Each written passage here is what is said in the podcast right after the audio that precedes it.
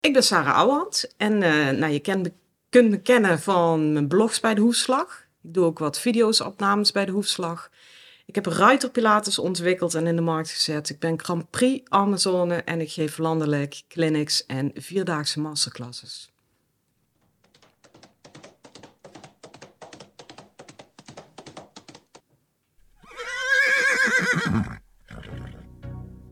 Podcast De Tweede Hoefslag. Ja, leuk dat je kijkt of luistert naar weer een nieuwe aflevering van onze podcastserie De Tweede Hoefslag. En we zitten hier lekker bij de kachel, want het Ja. is een druiligere dag. Ehm, bij Sarah. Eh, Ja. Leuk dat we hier mogen zijn, Sarah. Ja, helemaal welkom. En ik dacht inderdaad, ik zal eens wat hout op het vuur gooien. voor je. Ja, ja, ja. Oh, dat belooft dat voor de podcast. Ja. Hoe is het met je? Ja, goed. Ik zat van tevoren aan te denken, want ik wist dat die vraag kwam. En ik denk dat eh, rommelig en gelukkig het een beetje samenvat, eh, de periode waar ik nu in zit. Rommelig en gelukkig. Ja, Ja, ja. Ja. Ja, want ehm, hè, om maar meteen met de deur in huis te vallen, er staat hier een bordje te koop eh, voor de deur. ja, dat had je al goed gezien toen je de navigatie intikte. Ja, de, de tent staat op zijn kop. We zitten heel dicht tegen een verhuizing aan. En ja, dat is natuurlijk altijd een heel goed perspectief. Maar ja, we zitten nu nog een beetje in de fase van eh, met helemaal diep in het oude en allemaal oude zooi en opruimen. En het nieuwe moet echt nog even op zich wachten. Ja, ja. Kun je al vertellen waar je naartoe gaat of doen we dat straks in de podcast? Zullen we hem bewaren? Ja, we bewaren. Ja. Ja, want de belangrijkste eerste vraag, die weet je ook hè? Ja? Ja, wat is je eerste ontmoeting met een paard? Weet je Nou, dat nog? Ja, jongens, ik heb me echt suf zitten piekeren. Ehm, maar eigenlijk heel erg leuk. Ja, weet je, hoe vroeg gaan je herinneringen terug? Dat is dan de vraag. Maar heel erg leuk met deze tijd. Mijn eerste officiële ontmoeting, die heb ik van Sinterklaas gekregen. Want ik heb mijn eh, allereerste paardrijles ever. Toen werd ik vijf of zes, heb ik van Sinterklaas gekregen. En dat is wel echt mijn, de start in mijn hoofd in ieder geval. Oh, leuk, leuk. En Ja. wanneer was dat? Welke tijd speelt zich dat af? Voor de mensen die jou niet zo goed kennen, hoe oud ben je? Ja, ja, ja, ja. dat is altijd een gevoelige vraag. Ja, ja. Ik ben nu 43, je moet altijd even denken. Dus eh, ja, eh, tel maar uit. Ja, 37 jaar geleden. nou ja, ik ben eh, niet eh, zo goed in wiskunde Nee, geweest. dus, echt snel zijn. maar dat maakt niet uit. Inderdaad, eh, leuk, leuk. En ehm, was dat dan bij de manege? Hoe ging dat? Eh, Ja, absoluut. Het was een manegeles. En eh Ger, mijn vader, ik denk dat we daar om half acht al op het paard moesten zitten. was voor de manegelessen uit, weet je, je eerste longeerlessen. Ja, ik kan me dat nog wel levendig herinneren. En eh, eeuwig dank aan mijn vader dat hij eh, in het weekend zijn wekker wilde zetten. oh, cool. En Ja. dat is dus niet bij één les gebleven? Nee, absoluut niet.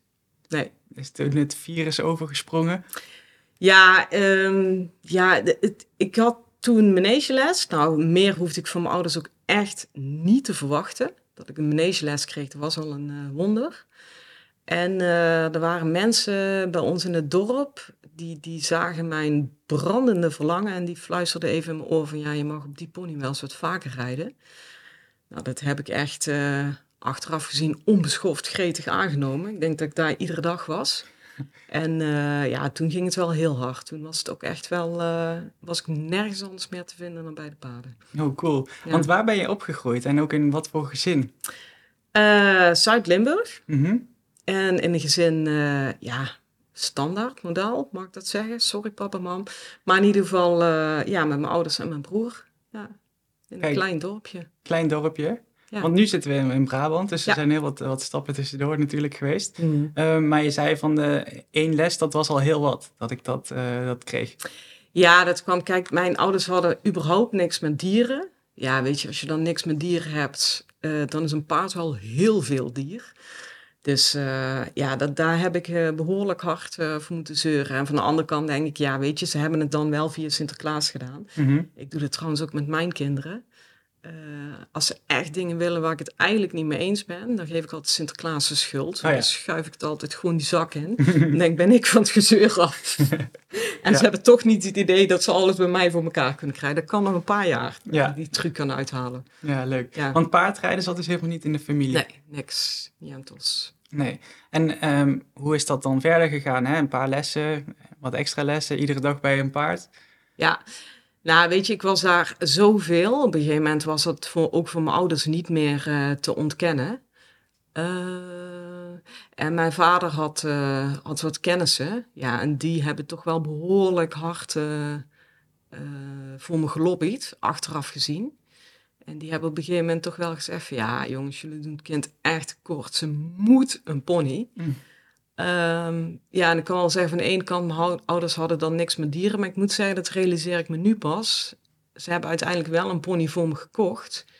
En het was zo ver van een bedshow dat ik daar eigenlijk. eh, ja, het is toch wel heel knap dat ze die stap überhaupt hebben willen maken toen. Ja. Ja. Was dat de pony dan op de manege of hadden jullie die dan aan huis? Hoe moet ik dat voor me zien? Eh, ja, was gewoon in pension. Een pension? Eh, mooie e-pony, New Forest pony. Eh, ja, die stond gewoon ineens in de stal achteraf. Misschien denk ik ook helemaal niet gecheckt of er een match was of zo. Hier, pony, weet je. Ja, dat is dan Je wilde niet een pony, dus... Ja, precies. Wat niet paardenmensen doen, zo gaat dat dan. En eh, ja, ik ben daar nooit meer niet geweest. Ja, dat is... Ik zat laatst ook te denken, ik keek naar mijn dochter... die moet ik af en toe stimuleren om een beetje met de hobby's te doen. Ik denk, dat is bij mij gewoon nooit, nooit een vraag geweest. Ook spelen met vriendjes of vriendinnetjes. Ja, eh, boeien. Ja, Moeten naar de paarden. Ja, ja. cool. En ehm, eh, hoe is dat in de tienerjaren gelopen dan? Ja, dat zeggen ze altijd, hè. Van, eh, eh, dan krijgen ze of een vriendje of ze gaan door met de paarden. Maar ik ben toch echt doorgegaan. Ik heb wel één keer een moment gehad dat mijn vader me even apart had gepakt. Want ik stond toen op een pensionstal.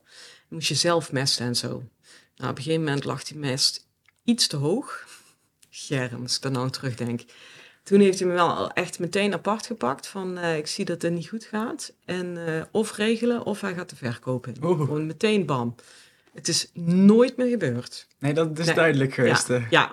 dus toen heb ik heel snel eieren voor mijn geld gekozen. En terecht overigens, hè, van mijn vader. Mhm. Ja, voor de rest, ja, het was gewoon de rode draad in mijn leven. Toen al. Ja, Ja. mooi. En wa- waar ben je nu? Want eh, je kondigt het al een beetje aan in de intro. Ja. Wat, wat, ben je nu mee bezig? Eh, ik ben nu Grand Prix Amazone. Daar ben ik wel eh apen trots op. Met name omdat ik helemaal vanaf het Jan Boerenfluitjes klootjes begin kom. Ja, En eh, ik zit nu wel een beetje in een bijzondere fase. Want met mijn huidige paard heb ik alles bereikt wat ik kon bereiken. Ja, dan kun je nog een beetje gaan zeuren over percentages. Maar ik heb 64,5 gereden. Ja, met, zijn, met het paard dat hij is, denk ik dat daar al de vlag over uit kan. En ehm, ja, hij is nog tip-top in orde. Maar er is... eh, ja, we zitten in de fase, ga er nu maar eens van genieten. Want je hebt een Grand Prix paard en je hoeft niks meer. Ik, eh, ik vind het best moeilijk, merk ik. Dat vond ik wel heel bijzonder. Ik dacht, oh ja, hier werk je dus altijd naartoe. en dan ben je er. En dan ben je er en dan ineens, oké, dus nu moet ik genieten. Dus daar ben ik een beetje mee eens stoeien. Maar ja, weet je, dat is echt eh, het grootste luxe probleem dat een ruiter maar kan hebben. Hè? Ja, ja. Maar je doet meer dan alleen Grand Prix rijden, Ja, zeker. Ja, ja, ja. Eigen podcast. Ja, eigen podcast. Ik heb eh, mijn podcastkanaal eh Out of the Box Dressuur in, hou me ten goede, volgens mij februari gestart. Daarin loop je mee op al mijn werkdagen. eh, want ik ben niet voor mijn werk Amazone. Het hangt natuurlijk wel altijd samen. Ik ben instructrice. ehm, op een, ja, naar eigen zeggen, maar ook naar zeggen van mijn klanten, out of the box manier. Mhm. Ik doe er veel lichaamswerk in. Ik werk veel met bewegingsenergie. Ik heb natuurlijk ook die Grand Prix ervaring, wat ik samen kan voegen. Ik ben extreem veel bezig met rechtrichten. Ehm, ja, en daar geef ik landelijk clinics in. Iedere zaterdag sowieso. En wat nou steeds meer komt, is dat ik daar eh, vierdaagse masterclasses eh in geef. Er komt echt een groep vier dagen bij mij. Oh ja, ja, ja, Ja. cool. Want ehm daar komen we zo meteen eh, natuurlijk nog wat meer over te spreken. Maar ik ben wel benieuwd wie jouw belangrijkste leermeesters zijn geweest in jouw leven. Ja, dat is natuurlijk de beste vraag die je kan stellen. Dus schiet ik al meteen vol. Maar dat is er maar één. Ja, daar kan ik niet normaal over praten, sorry. Maar dat is mijn huidige paard. Ja. En ehm, ik heb er echt wel heel veel dingen bij gedaan. Maar eigenlijk kan alles de prullenbak in als ik dat beest niet gehad had. Echt, eh, ja. Want dat is niet zomaar een paard, dat is Rebel. Ja, Ja. ja. Ja, dat is wel mooi dat je dat zegt, want eh, deze vraag komt natuurlijk meer terug in de podcast. En dan noemen we mensen trainers of eh, coaches. Oh, of, dat. Och, toch die eenzame Ja. gedachte. Nee, ja, jij denkt meteen, dat is dat paard geweest. Ja, ja. ja. Ja, het heeft er ook mee te maken dat ik heel erg eh, autodidactisch ben. Eh, je zou het ook onvriendelijk kunnen zeggen, stront eigenwijs. Ehm, ja, en dat is dat beest trouwens ook. Dus wij zitten altijd samen in onze bu- bubbel van alles uit te zoeken. En ik wil echt niet zeggen dat ik zonder bepaalde trainers of invloeden er was geweest hoor. Dat zou wel heel imp- impertinent zijn. Maar ja, weet je, ehm, ja, ik kan anders zeggen. Het is hij en ik. Ja, De- ja, dat is gewoon Siamees. ja, ja. Ja. In een ander leven had je Ja. eh, wel eens gezegd, Ja, toch? ja, ja, Maar ehm, als je dan toch eens eh, naar... eh, want over de paard komen we sowieso nog te spreken. graag. Over eh, leermeesters in menselijke vorm mag hebben. Wa- waar denk je dan aan? Ja, meteen Frank. Frank Mhm. Jespers. Absoluut. En nu in een later stadium Kees op het hoog. Maar echt, ja, Frank, Frank, Frank. Drie keer. Gewoon heel duidelijk.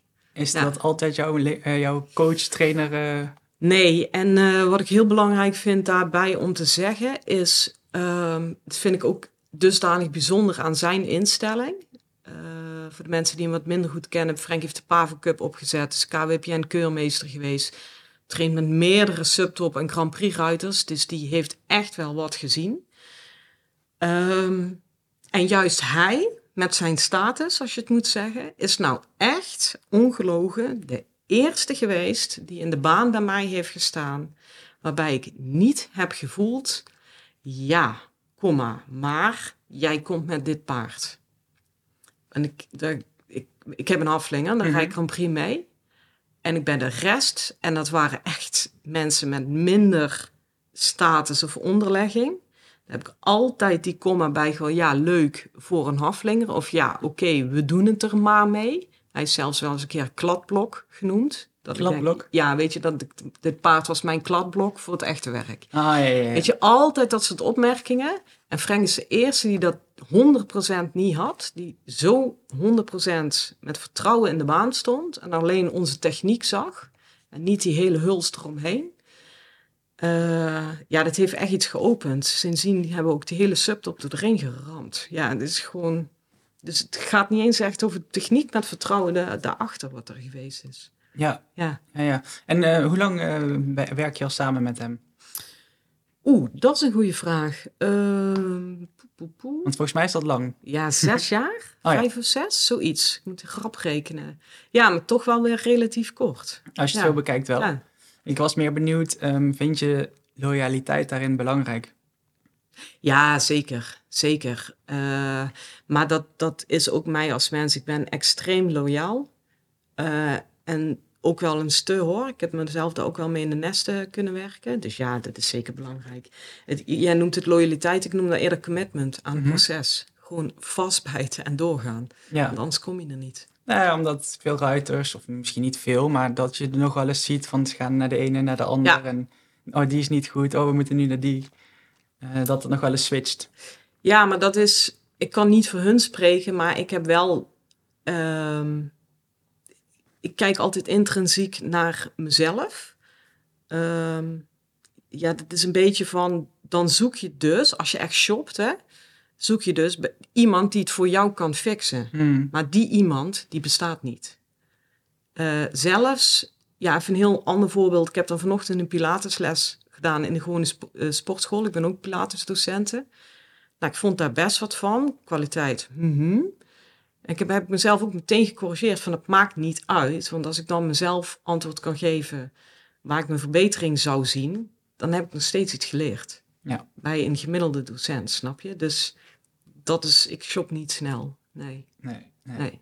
Nou, laten we dan even terugkomen naar Rebel, want dat Ja. is echt een heel bijzonder verhaal. Mhm. En ehm, klopt het dat het begon op Marktplaats? Ja, Hoe dan? nou, en als ze zich niet heel goed gedraagt, dan roep ik nog steeds wel eens van, eh, hou nou op, want je staat zo weer op marktplaats. Maar ehm, Neem ons eens even Eh, mee. Je zat op ja, je computer. eh, ik zat hem, nou, mijn pony in Zuid-Limburg was verkocht. En eh, ik studeerde in Tilburg, even heel stappen, Mhm. universiteit. Eh, maar ja, ik dacht, stik de moord, maar met de universiteit moet paardrijden, dus bijrijder. Ik denk, ja, weet je, als ik dan geen eigen paard heb, dan maar bijrijder. En toen eh, zag ik een advertentie, Haflinger zoekt uitdaging. En jongens, echt in alle eerlijkheid, ik had echt geen zin in Haflinger. Maar er was toen niet zoveel. En ik dacht, ja, weet je Saar, even heel plat, niet zeiken. Je wil rijden, je gaat rijden, ongeacht wat het beestje is. En je ziet wel. En hij was eh poepvervelend bij zijn huidige eh, bij zijn toenmalige eigenaresse. Dat stond er ook bij? Ja, ja, ja. Zoek de uitdaging. Dat is Ja, positief ja, geformuleerd. Hè? Lees allemaal van die geintjes en van die trucjes in de baan. Ehm, dus toen ben ik hem gaan bijrijden. Dat, dat is echt de start eh, geweest. Ja. Maar hoe kom je in jezelf op dat je op Marktplaats een paard gaat zoeken dan? Natuurlijk, het gebeurt al meer, hè? Maar Ehm, ja, er was toen nog wel ietsje meer. Ja, daar, daar was, waren gewoon vrij veel advertenties voor op zoek naar bijrijder. En het was een gegeven dat je een eigen paard kon hebben toen. Ik was student en mijn ouders hadden echt gezegd, toedeledokie. Dus ja, dan blijft over een, paar, ja, een bijrijder. ja. Eh, en, en niet rijden was geen optie. Mhm. Dus, dus ja, en dan, toen werd ik getipt door een vriendin volgens mij. op Kijk eens op Marktplaats. Maar je wilde geen haflingen? Nee, niet primair. Absoluut niet. Kijk, ik was toen wel eh erg een dress- dressuurmatig insteek had ik. Ja, dan staat een haflinger, laten we elkaar even gemietje noemen, gewoon niet vooraan op je, op je lijstje. Nee. Dus eh, ja, Nee, is grappig. Mijn opa die heeft vroeger altijd haflingers gehad. Die Ja. ging echt naar shows en zo, maar Ja. niet echt dressuur. nee. Mijn moeder zat er wel op, gewoon bosritjes en Ja. zo.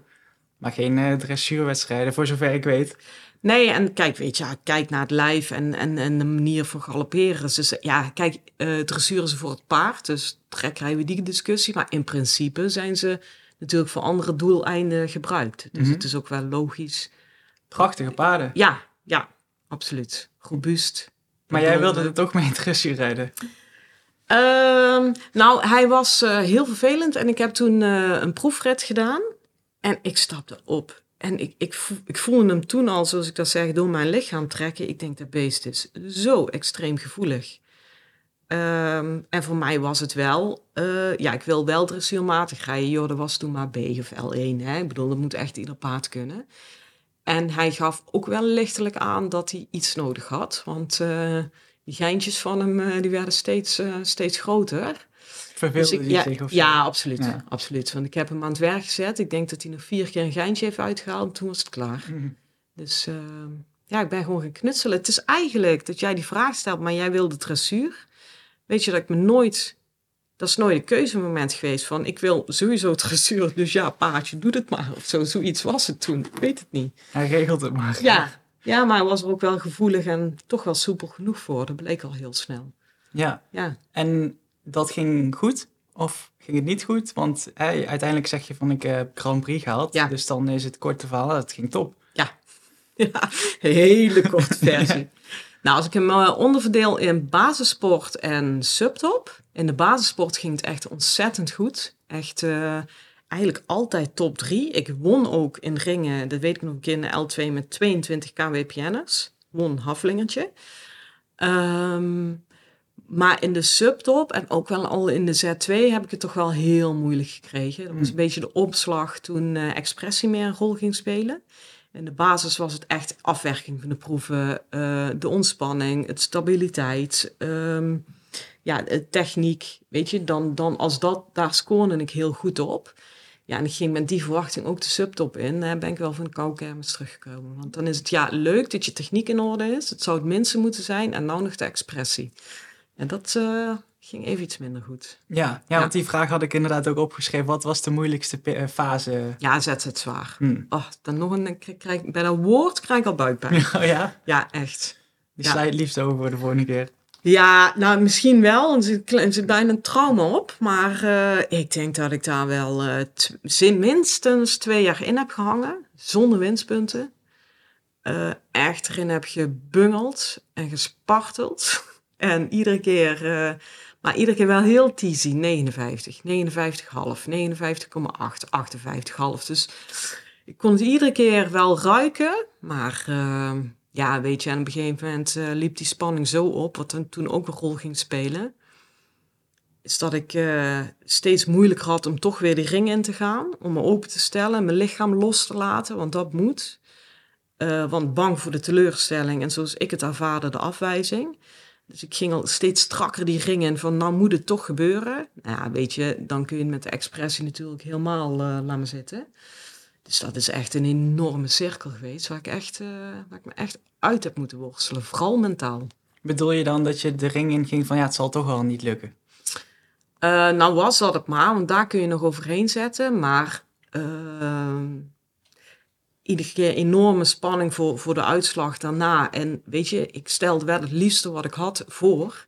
Ik heb dat echt wel, eh, en ik stond iedere keer onderaan. Ja, je moet echt leren verliezen. En iedereen ziet dat. Dus dat was wel wat meer, het zal niet lukken. Dat ik kon er echt wel twee dagen weer van, van de kaart zijn. Oh ja. En, eh, ja, dat kwam wel hard binnen. Ja, en daar wil je jezelf toch een beetje tegen beschermen. En tegelijkertijd moet ik, en daar ben ik ook op getraind, mijn hele lichaam loslaten om die proef te kunnen eh, laten lukken. Dus ja, dat is wel even een uitdaging geweest. Ja. En als je daar nu op terugkijkt, ehm, en dat is een gemene vraag, maar komt dat dan omdat het een haflinger was? Of was het ook gewoon net niet goed genoeg? Nee, dat vind ik een super vraag. Allebei, allebei. Ehm, ik had geen enkel wisselgeld, maar ik wil me eigenlijk never, nooit niet verschuilen achter, ja, ze willen geen haflingen zien.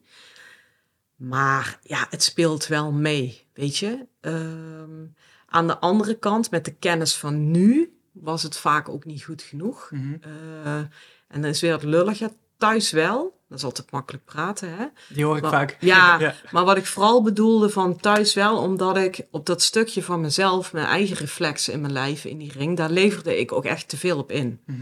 Want hij kan fenomenaal in een tweede draf lopen. Nou, als je hem dan in de ring zag, dacht je, yo, waar- is hij gebleven?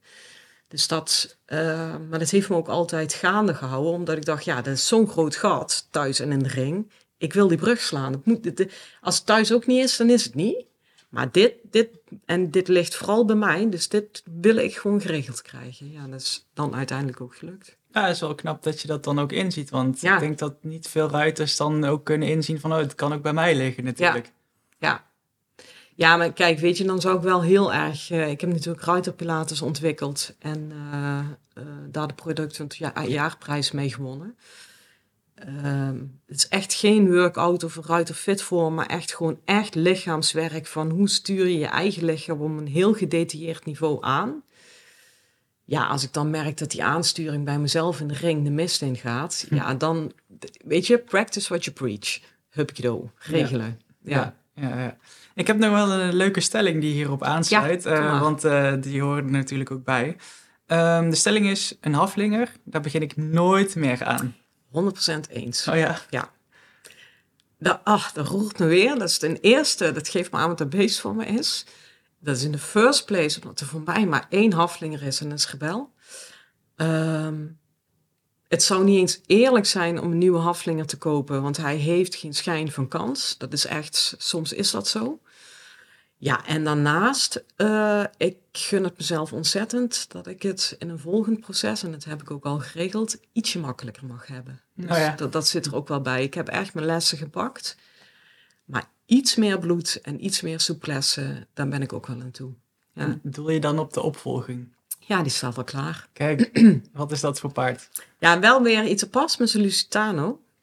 Eh, wel een beetje dat barokke uiterlijk, daar hou ik heel erg van. Maar absoluut eh, meer bloed en veel makkelijker in het lijf. Veel makkelijker.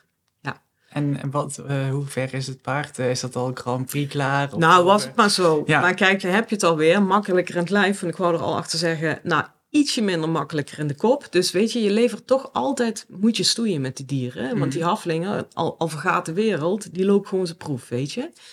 En die is nu vier en daar zitten we net Oh, op. vier. Ja, vier. We zitten, hij, hij is net vorige week voor het eerst los in de baan. Eh, dus ja, die, die, die moet mentaal, heeft hij vooral veel tijd nodig. Want van de andere kant aan de dubbele lijnen draait hij al met twee vingers in de neus een pirouette. Die is zo handig. Dus ja, weet je, ik moet er eerst nog maar eens zien met mijn grote waffel dat ik er zelf op ga komende week. Ja, ja wa- want eh, Rebel is eh, wat ouder, hè? Die is al oud en bejaard, of dat nog niet? Nou, laat het hem niet horen, maar het mannetje is 23. Oh, 23. Ja. Kan nog En- even mee. Zeker, nou die ga ik in het voorjaar nog Grand Prix starten. Gaat makkelijk. Ja. Is die dan Ja. een van de oudste daar of niet? Ja, ja, ja, by far. Bij VAR. Ja, ja. Dit is ook eh, in Haflingerland eh, een hele dikke uitzondering. Ja, Ja. maar het, het gaat gewoon goed. Ja, absoluut. Ik, eh, ik hou hem in de gaten met hartslagmeting. Er is laatst een dierenarts bij hem geweest om alles helemaal na te lopen op beweging en met de elektrode bewegingsanalyse. Ja, jongens, hij ziet eruit. je geeft hem echt, nou laten we het ruim nemen, 15. Mhm. Dan red je al niet als je hem ziet. Dus die, ja, laat me gaan. Laat me sjouwen. Ja, dus eh, mensen die zeggen van is dat niet te oud voor een eh, Grand Prix paard, eh, dat klopt niet volgens jou. Ja, klopt niet. Dat is gewoon boekjespraat. Ik bedoel, ik hou zijn hartslag in de gaten. Op een gegeven moment ga je wel zien dat, dat de hersteltijd lang of te lang gaat duren. Dat die Mhm. hartslag steeds hoger wordt. En dat soort dingen kun je echt zien van ja, nou wordt het echt te taai en te oud. Ja, dat is gewoon niet aan de orde. Die hartslag die zakt meteen. Hij komt op adem en hij gaat door, ja. Dus dan is het... eh, hij geeft die grens aan. Het is aan hem. Ja. Ik hou hem in de gaten. Oké, en ehm, heb je verder nog andere paarden? Nee, nou, wie weet gaat komen. ik heb mijn man nog niet verteld, maar eh, ik heb binnenkort een aantal lege boxen. Dus who knows, maar nu heb ik er twee. En ik moet zeggen, dat vind ik nu ook wel even genoeg hoor. Nou, vertel het nieuws dan maar. Ga ik het nieuws vertellen? Nou, eh, ik heb namelijk, ehm, daar ben ik ontzettend dankbaar voor, maar ik heb een eh, eigen accommodatie gekocht. Ja. Kijk, gefeliciteerd. Dankjewel. Waar ga je naartoe? Eh, ik kan nog niet heel specifiek zeggen, omdat het nog drie maanden vooruit is. Ik wil de mensen die er nu in zitten even respecteren. Maar het is in de buurt van Goorlen, Noord-Brabant, regio Breda. Oh ja. Dus eh, dat heb je mooi geregeld. Ja, En ehm, je zegt, ik heb nog wat boxen leeg. Mijn man weet het nog niet. nou, hij weet wel dat daar een aantal boxen leeg staan. Maar ik dacht, eh, laat hem eerst maar even aan het wennen aan het feit dat wij een accommodatie hebben. Het is een niet-paardenman. En eh, joh, ik heb nou echt geen ambities. Maar wie weet, wie weet hoe dat gaat met lege boxen. Wie weet komt er een paard bij. Ja, het is binnenkort Sinterklaas, hè? Dat bedoel ik. Nou, vorig jaar voor Sinterklaas, dat is ook leuk, heb ik bij Lusitano gekregen. Ja, ik heb hem zelf afgerekend natuurlijk, maar ik vind het een Sinterklaas cadeautje. En echt op 6 december heb ik hem voor het eerst gezien. Eh, dus wie weet wat het dit jaar brengt. Ja, ja, ja. Ja. oké. Ehm, andere stelling is eh, zelfrijden of lesgeven. Oeh. Ja, zelfrijden. Toch wel? Ja, maar dat, ehm, dat wordt een beetje een ambivalent antwoord. Omdat ik daar beter van ga lesgeven en andersom. Eh, ik zie te vaak, en dat heb ik mezelf echt beloofd, heel veel instructeurs die stoppen op een gegeven moment met rijden. En dat is hun keuze, hè, hun proces. Maar ik wil blijven paardrijden om eh, op zijn minst, en dat is een uitspraak van Frank, maar die vind ik waanzinnig goed. Die zit er ook nog steeds zelf op. Ik wil blijven voelen hoe moeilijk het is. Eh, want dat levelt me met mijn leerlingen. Eh, en ik wil absoluut waken voor het feit dat ik dadelijk als wijsneus in de baan sta iemand te vertellen hoe het moet. Dan zit ik daar sowieso ver vanaf. Maar, eh, en dat is ook bijvoorbeeld de reden waarom ik in het voorjaar weer Grand Prix ga starten. Ik weet zeker dat ik weer peentjes ga zweten. Maar ik denk, ga maar peentjes zweten. Ga maar weer voelen hoe moeilijk het is.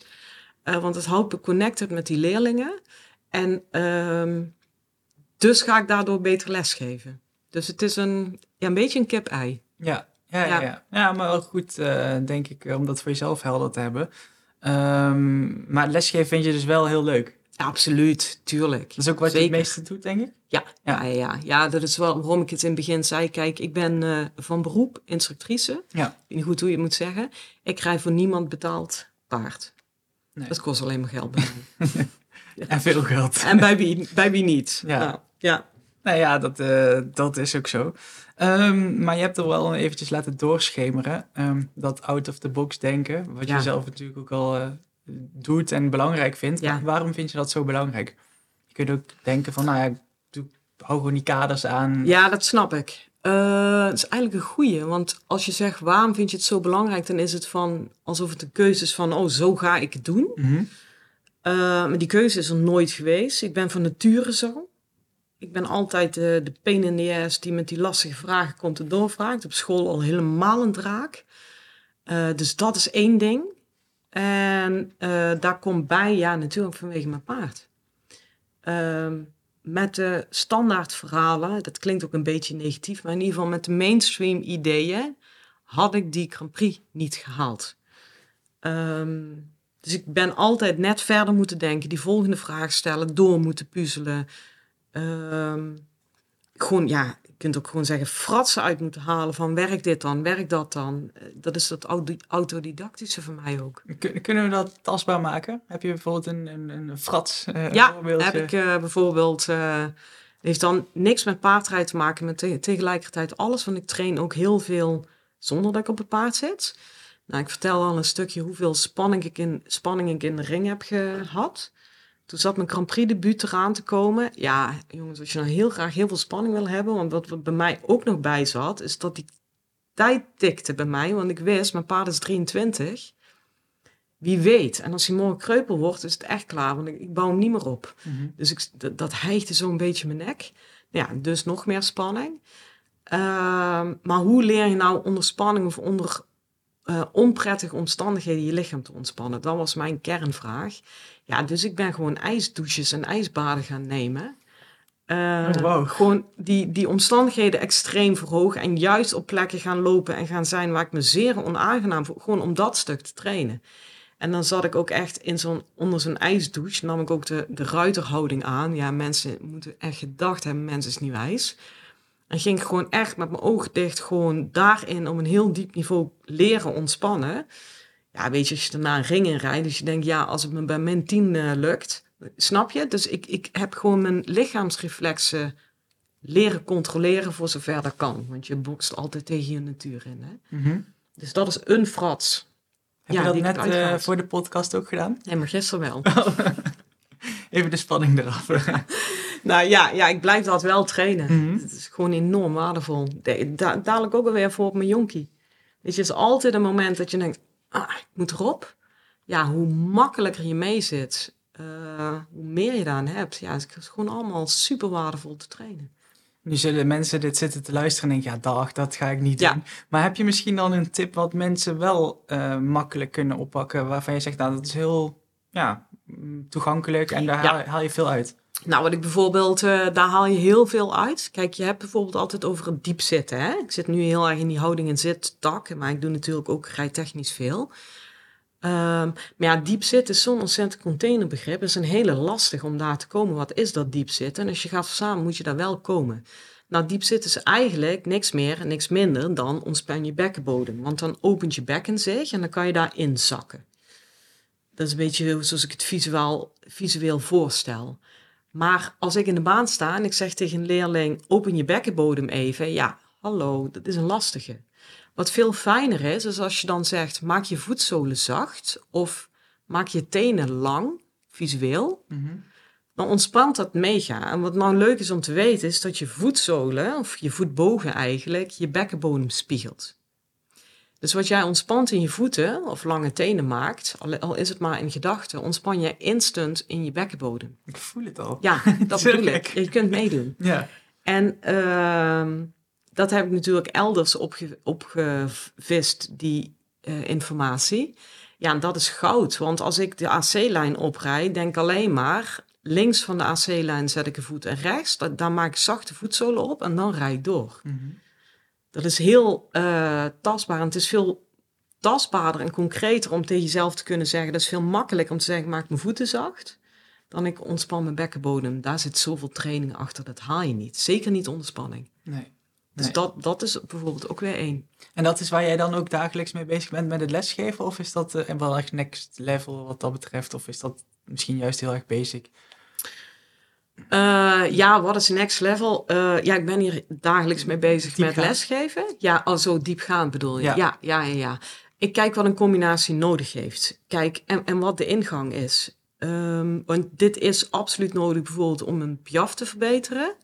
Maar ik haalde het voorbeeld net al aan. Als ik iemand zie op een jong beest en diegene weet niet waar hij zijn ontspanning of contact met het paard vandaan moet halen, geef ik die tip ook. Maar soms is het bij ruiters zo ver van hun bedshow, want jij noemt het al diepgaand, terwijl ik denk, joh, het zijn gewoon je voeten. Dus het is maar net, Ja. waar kom je vandaan, hè? Als ik dat merk, ja, dan ga ik gewoon via het paard werken. Dan ga ik gewoon eh, naar de linkerschouder sturen en naar de rechterschouder. Dus dan ga ik eh slalommen door de baan, waarvan ik zeg, de ruiter, ik wil dat je heel bewust voelt dat hij gewicht aanneemt op zijn linker voorvoet en op zijn rechter voorvoet. En dat ga je afwisselen, dat je die gewichten ehm, ja, gaat slalommen van links naar rechts. En dan breng je op een andere manier in het paardenlichaam en dus weer in jouw lichaam. En dan heb je het eigenlijk gewoon over recht richten. Ja. Ja. ja, ja.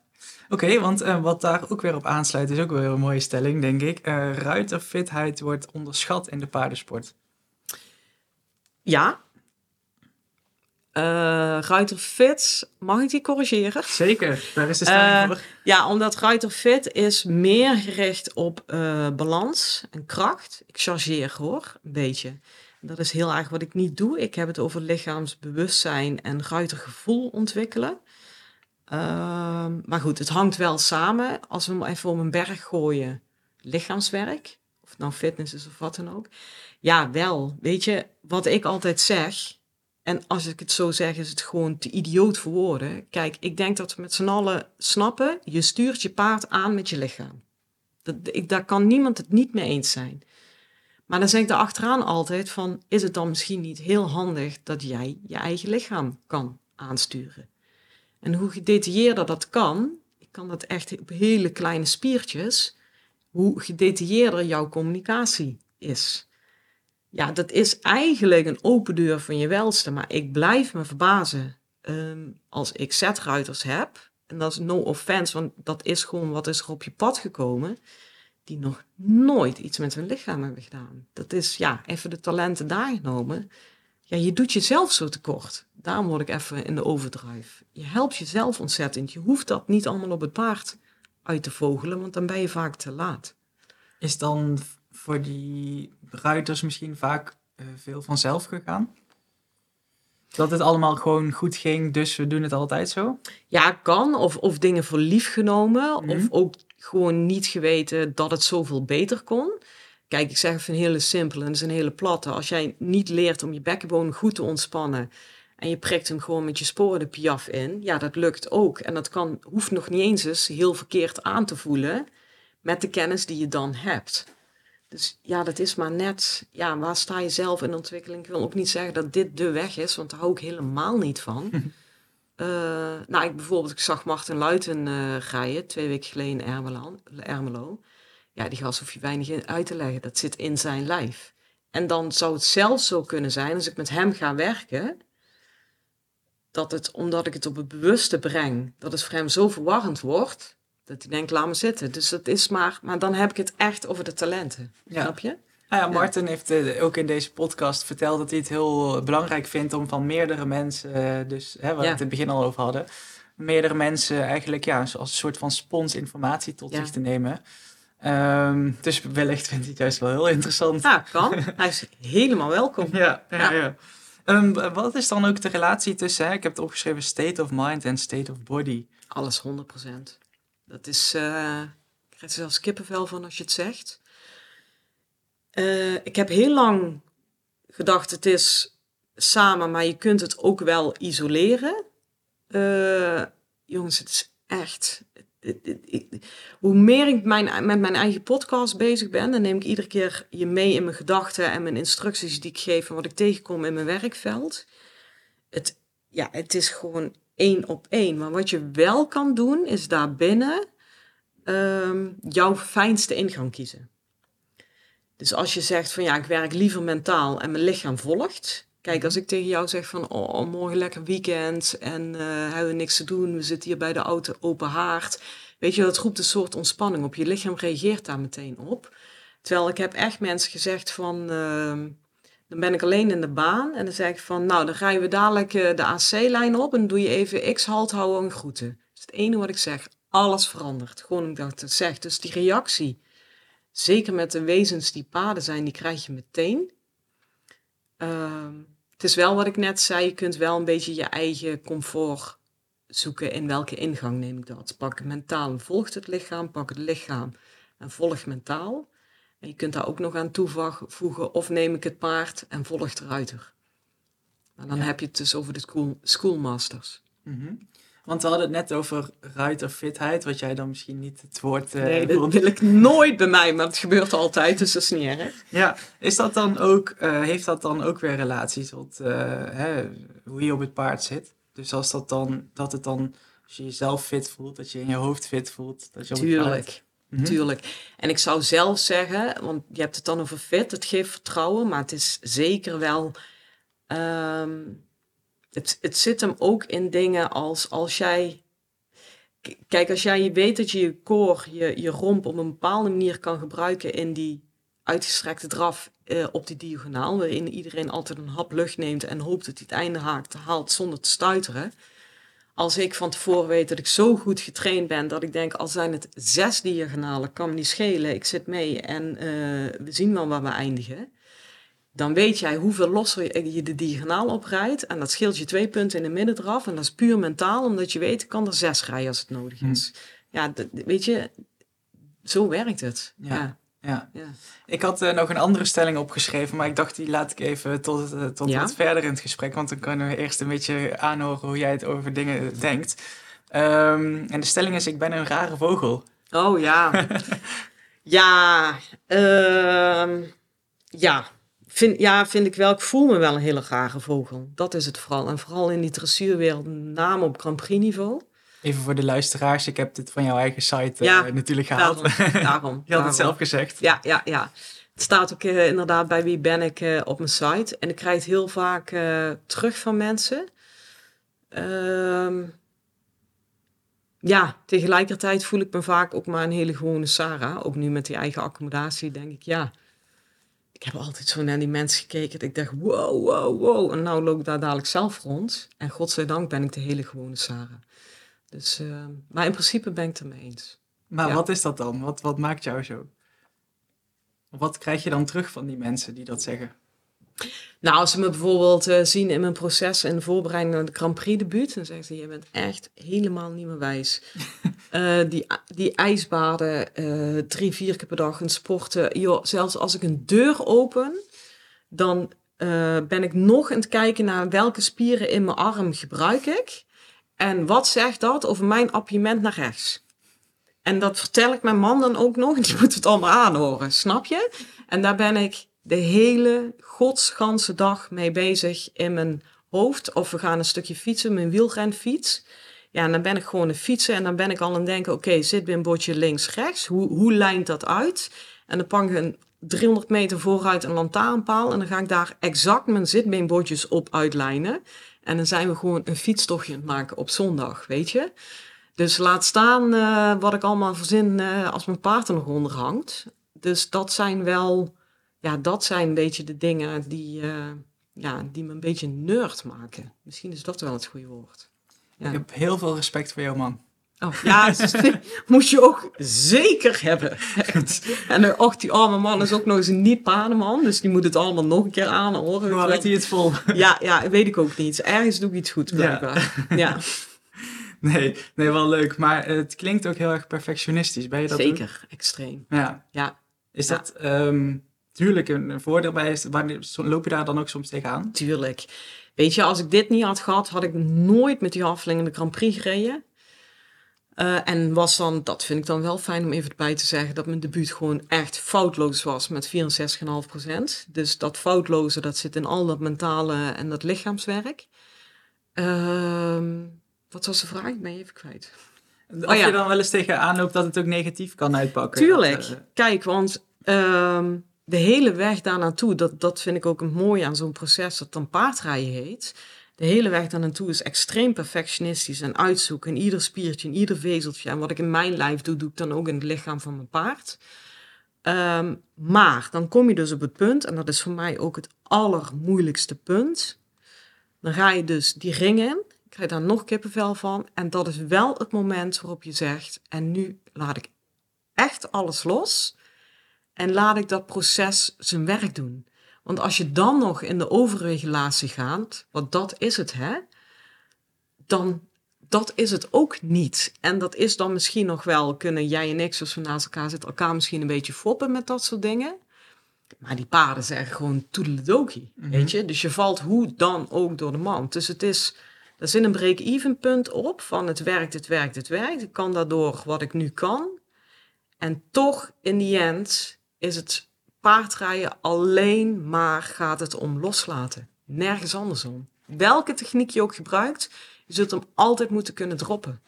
Dat is paardrijden. Ja, maar dan aan het begin van het gesprek zei je van... ik vind het dan wel lastig eh, dat gevoel van afwijzing krijgen. Ja. Dan is dit niet de perfecte sport denk ik om te doen. Nee, nee, dat voelt gruwelijk naakt. Maar dat precies, dat vind ik wel mooi dat je het zegt. Want dit is mijn worsteling in de ring geweest. Mhm. Dat, dat eh, precies dat. Ja, en ik denk dat heel veel ruiters daar misschien Tuurlijk. tegenaan lopen. Ja.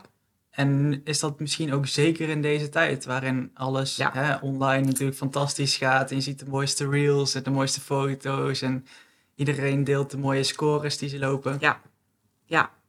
En ehm, ja, dit is gewoon eh, mindfuck, weet je. En ik doe daar zelf ook in mee. Ik ben natuurlijk ook heel bewust eh, eh, met wat ik naar buiten breng. Maar dat is vooral met beelden. In woorden maakt het me niet zoveel uit. En ook niet om eh, bijvoorbeeld mijn worsteling in de ring toe te lichten. En in mijn podcast ben ik heel open voor heel veel dingen die ik meemaak. Ehm, maar ja, weet je, helaas, helaas, helaas, in beeld kan het momenteel niet op de socials. Mhm. Je kunt geen eh, pink verkeerd hebben of je bent aan de beurt. Vind ik, vind ik, vind ik echt, echt daar, ik heel verdrietig van. Ja. Ja. En eh, hoe heb jij eh, dan die, die struggling, hoe heb je daarmee kunnen omgaan? Dus dat je in de ring eigenlijk vecht tegen dat, dat mindfuck wat je zegt. Hè? Dat, dat die, dat stemmetje misschien in je hoofd. Ja, weet je, en dat is waarom dat paard me altijd zo blijft ontroeren. Ehm, omdat ik op een gegeven moment echt wel een beeld had. Ik zit mezelf in de weg. Daar kon ik dan nog wel soort van mee leven. Maar ik zat hem ook in de weg, letterlijk. En dat beest is zo extreem eager. Dat is wel een haflinger aan de buitenkant. Maar jongens, dat is zo geen haflinger aan de binnenkant. Dat is zo'n baasje, die wil zo de beste zijn. Dat ik dus ook ging zien van ja, ik doe dit paard tekort. Dus die moeilijkste punten. ehm, ik merk ook dat me dat roert. Dat ik voelde van ik wil niet springen in het loslaten, maar ik moet springen. Ja, dan heb ik gewoon me vastgehouden aan hem. Van ik doe het voor hem. Ook die Grand Prix, ik doe het voor hem. Want ik wil hem niet in de weg zitten. Want ja, ik, ik denk dat het me anders niet gelukt was als ik die band niet had gevoeld. Weet ik wel zeker. Die, die, die, die, eh, die berg was te hoog. Maar eh, ja, ik ben toch gesprongen. Zoiets is het. Ja. En Ja. heb je die weg helemaal zelf gedaan of heb je daar ook dan hulp bij gehad? Eh, ja, ik heb wel een stukje mentale ondersteuning gehad. Eh, ja, weet je, je zegt ik heb respect voor mijn man, maar heb dat ook vooral. Want dat is zo'n waanzinnige kanjer ook op dit eh, gebied geweest. Die eh, is er altijd op ieder niveau voor me geweest. Die is er meer voor me geweest dan welke paardenman dan ook. Frank heeft me enorm gesteund. Kees op het Hoog heeft me proeftechnisch op twee cruciale momenten doorheen getrokken. Dat is een subtopjury. Eh, dan moet ik, ik wil niemand tekort doen, daar moet ik graven. Maar dit is het even, samengenomen is dit het wel wat nu naar voren komt. Ja, ja de Ja. belangrijkste. Ja. ja, ja. ja, ja. Nou ja, knap, super knap natuurlijk. Ook mooi eh, om dat zo te horen, hoe, Ja. hoe je dat hebt gedaan. Ehm, als je dan naar de toekomst kijkt, wat is de grootste uitdaging voor de komende jaren? Ehm, vertrouwen houden in de sport. Ja, want dat is ook een stelling die ik vaak laat terugkomen. Ik maak me zorgen over de toekomst van de paardensport. Ja, absoluut. Maar ik het mezelf niet toe. Wat Eh, bedoel je daarmee? Wat ik daarmee bedoel is. ehm, nou, ik heb nu natuurlijk die accommodatie gekocht. Mhm. En dat is echt wel. eh, nou, laten we even leuk maken: 2060 binnenbaan, 2040 buitenbaan, 12 boksen. eh overnachtingsmogelijkheden, gevelboerderij. Dus dat is echt wel serious business. Ehm, maar er gaat een zomer aan vooraf. Ik heb eh, deze zomer twee of drie maanden echt lang, echt met mijn ziel onder de arm gelopen van waar gaan we naartoe? Gevoerd door dingen op de socials. Eh, ik werk natuurlijk ook af en toe voor de hoefslag. Ehm, ja, daar, daar pik ik ook wel wat mee. En, en ga ik dit avontuur nog wel aan? Het werd voor mij wel heel concreet, hè? Wat gaan we doen? Nou, twee, drie maanden worsteling later ehm, kon ik eigenlijk alleen maar naar mezelf antwoorden van... Maar als ik alles, alles op een rijtje zet, is de enige reden waarom ik het nu niet zou doen, angst. Dat dat, en zorg, dat die sport gewoon niet goed gaat. En dan heb ik mijn droom niet geleefd daarvoor. Eh, en, en dat ga ik dus niet doen. Dat is hetzelfde als het proces met een paard. Dus ik spring toch. In het diepe. En dat is Ja. wat ik bedoel met ik sta het mezelf niet toe. En ik heb hem nu dus omgekeerd. Ik wil niet gekke Henkie zijn. Ik blijf wel reëel. Er zijn kansen dat sport verandert, anders wordt, verdwijnt. Hey, niemand heeft een glazen bol. Maar dan heb ik het tenminste wel nog gedaan. En eh, dan heb ik natuurlijk heel erg veel risico op een pand. Want ja, zie dan maar eens verkocht te krijgen. Laten we het ook even heel zakelijk maken. Dat is allemaal overgegaan en over nagedacht. Maar ik lig liever eh, op mijn sterfbed dan ik denk, shit, ik heb een paar ton verloren. Want het zijn natuurlijk geen kleine bedragen. Dan dat ik denk, ik ben niet gesprongen. Want daar word ik, uh, dat ontroert me zelfs. De optie ontroert me al. Daar word ik heel ongelukkig van. Als ik niet leef uh, naar wie ik eigenlijk zou kunnen zijn. Ja. Ja. Ja, want het is wel een oprechte zorg dus. Ja, zeker. Maar ja, jongens, weet je, je... Je kunt niet niet bezorgd zijn momenteel. En ik heb wel vertrouwen van alles vindt een weg. En die paarden zijn te magisch om zomaar... Uh, maar er, ja, er is iets gaande. Ja, wat kunnen we ervan maken? Ja. Mm -hmm. ja. Hoe, hoe, oud zijn je kinderen? Want als ze over zoveel jaar, uh, als je daarover vertelt wat jij allemaal hebt gedaan, ja. uh, hoe, hoe, zou je dat dan vertellen? En, uh, want zijn ze, zijn ze nog heel jong? mijn dochter is Mees, die is negen. En mijn zoontje Gijs, die is, dat, is onze, dat is mijn haflinger in het, in het jongetje, zeg maar. Die is, dat moet ik denken, want direct wordt hij boos zes. Oh ja, nou, laten we zeggen over twintig jaar. Hè, dan, dan zijn ze volwassen en zo. En dan gaan ze het huis uit, zijn ze het huis uit. Hoe, hoe praat je dan over deze tijd? Over, hoe, over het pad wat jij hebt bewandeld? Is het dan een hele andere tijd, denk je? Um, ja, nou, qua paden, wat mag van de regering of zo, daar zal, zal wel wat veranderd in zijn. Maar ik wou eigenlijk meteen zeggen, nee, ik denk het niet. Want het, dat is ook een reden waarom ik nu dit risico neem. Terwijl zij niet per se geïnteresseerd zijn in paarden, maar omdat ik ze mee wil geven, ja, leef je dromen. Weet je, en dit is dan daarin een hele grote stap. Um, en, en dat heb je altijd, ook over twee jaar. Doe alsjeblieft wat dicht staat bij jezelf. Want droom is weer zo groot, hè. Maar blijf trouw in jezelf en wat je daarin wil en kan bereiken. En uh, als dat is omdat jij graag, uh, jongens, weet ik veel, noem de voorbeelden. Dus dat zal niet veranderd zijn. Ja, wat in de paardenwereld is, ja, we gaan het meemaken. Ik weet het echt niet. Ik hou het wel in de gaten. Kijk, ik koop natuurlijk nu dat pand. -hmm, ja. En ik ben zakelijk gezien slim genoeg om, uh, om dat continu in mijn achterhoofd te hebben. Op tijd te handelen als er dingen echt gaan veranderen. Maar dat is nu gewoon veel te prematuur. Ja. ja. Wat iets dichterbij is, in december. Ja. Want we gaan richting het einde van de podcast. Ja? Dus uh, dat willen we sowieso nog eventjes uh, benoemen. paardenpodium met Sarah Ouwehand. Ja. Uh, op 1 december, even voor de duidelijkheid, dat is uh, 2023. Voor mij, als mensen dit later luisteren, dan, ja. Dan is het al geweest. Ja. Um, wat gaat er dan gebeuren? Nou, ik ga dan de baan in en het onderwerp, het thema is meer naar de hand toe. Die titel heb ik ook heel bewust gekozen, meer naar de hand toe, omdat het altijd meer kan en er is niet echt een eindstation. En we gaan het onderwerp van wat is, of de vraag wat is naar de hand toe rijden, die gaan we helemaal uitpluizen. En de kern van de boodschap is dat het over zoveel meer gaat dan alleen een hoofd-halshouding. Sterker nog, het is maar een detail, een eindresultaat. Uh, laten we daar nou eens ophouden met elkaar daar de koppen over in te slaan. En laten we nou eens kijken naar het hele paardenlijf, het hele ruiterlijf en alles wat daarbij komt kijken. En al die radartjes, nou niet allemaal, want dan zijn we uh, drie jaar bezig, maar ik ga een aantal van die radartjes uh, aansteppen, bekijken, meewerken met een combinatie. Bijvoorbeeld dus, hoe werkt het voetenwerk bij een ruiter en wat doet dat bij een paard? En ga maar spierveren terwijl je voeten helemaal strak en geknepen zet. En ga maar spierveren met een zachte voet en kijk maar eens wat dat doet in de takt. Frank Jespers vult dat aan. Die is natuurlijk lekker mainstream en lekker van de oude van Deurne. Dus dat vind ik heerlijk. Uh, die stel ik vragen en die vult mij aan en andersom. En er zit nog een blokje bij met de subtop jury Kees op het Hoog. En die gaat kijken, ja, supermooi verhaal. Maar hoe zit het nou in je lijntjes in de proef? En hoe wordt het nou beoordeeld? Dus uh, ik denk dat dat echt, nou, ik denk, ik weet wel zeker, dat is gewoon een heel compleet verhaal. En dat is in Ermelo, toch? Ja. Ja, op 1 december. 1 december, vrijdag, ja. Ja, en um, kun je daar kaarten voor uh, kopen of, hoe, of kun je dat volgen op een uh, Nou, hou vooral de socials in de gaten. Paard en Podium KNS. Ja, dan, dan moet, moet het te vinden zijn. Ja, we kunnen geen QR. Misschien kun je het in de link bij, Link de, kunnen, ja. ja, bij de show notes zetten. Ja.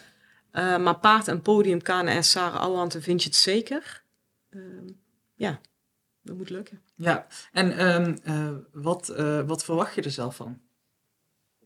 Ja, ik hoop echt om een enorm sterke interactie met het eh, publiek, dat ik ze meeneem. En bijvoorbeeld wat er ook in, dit, in deze podcast gebeurt, bij jou net zo leuk. Ik blijf lekker even bij mijn voetenvoorbeeld. Dat als ik praat, dat maakt het dus ook anders dan Ruiter Fit. Kun je eigenlijk op de tribune al meedoen. Ja, Niet dat ik je oefeningen laat doen, maar je, bent gewoon, je zit gewoon ter plekke en niemand ziet dat. Maar je zit gewoon iets te voelen in je lichaam of iets uit te vogelen. ik zit nu nog met mijn tenen. Ja, precies, dat bedoel ik. Dus het wordt in die zin heel interactief. En dat is ook wat ik wilde. Dat is ook wat mijn eigen podcast. eh, ja, ik, ben, ik, ik werk gewoon heel graag horizontaal met iedereen. Ja. Nou ja, mocht je dus geïnteresseerd zijn, we, hebben, we mogen twee tickets weggeven namens Oh, eh. Hoefslag. Ehm, mail dan eventjes naar hoefslag.mphorses.nl. Dus hoefslag.mphorses.nl. En eh, vertel dan even waarom je hier graag naartoe zou willen. En dan eh, kunnen wij twee tickets eh, verloten. Ehm, maar er zijn dus ook nog kaarten te koop. Zeker. Mocht je er naartoe willen. Ehm 1 december, vrijdagavond was het hè?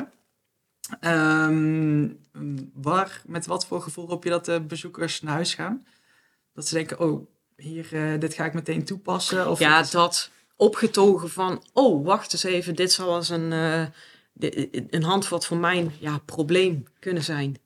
Ja. Ehm, ja, weet je, de, ik, ik kom met heel veel van die, van die handige handvaten eh, die niet per se iedereen verkondigt. En eh, zeker toepasbaar thuis, juist. Echt heel toegankelijk.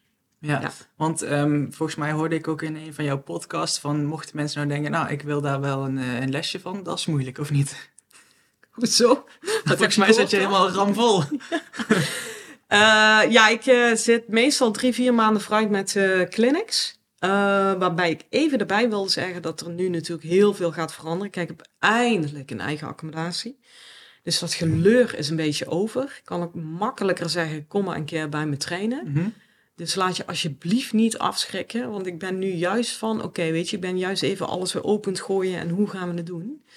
Maar als je echt eh, me uit wil nodigen voor een eh, clinic. eh, ja, ik zat afgelopen mei al vol voor het hele jaar.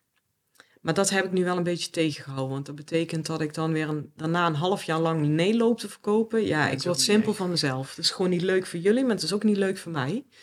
Dus ik, ja, ik heb wel wat meer ruimte gecreëerd nu. Dus Kijk. mail alsjeblieft. Ja, nee, helemaal goed, Ja. helemaal goed. En dan inderdaad op naar eh, 1 december. Ehm, nou ja, ik denk dat we er helemaal eh, doorheen zijn. Ja. We hebben het nodige behandeld. En eh, mocht je dus nog meer willen weten over eh, Sarah, we hebben ook een leuke video voor Hoefslag Premium. Dus log even in met je abonneegegevens op onze site. En dan bekijk ook de video die we hebben opgenomen. Ja, en ma- mag ik er één ding aan Zeker. Ja, het is een hele makkelijke. Namelijk mijn site naam is www.sarahouwehand.nl. En dan Sarah zonder, H. zonder H. Kijk, dankjewel Sarah. Graag gedaan.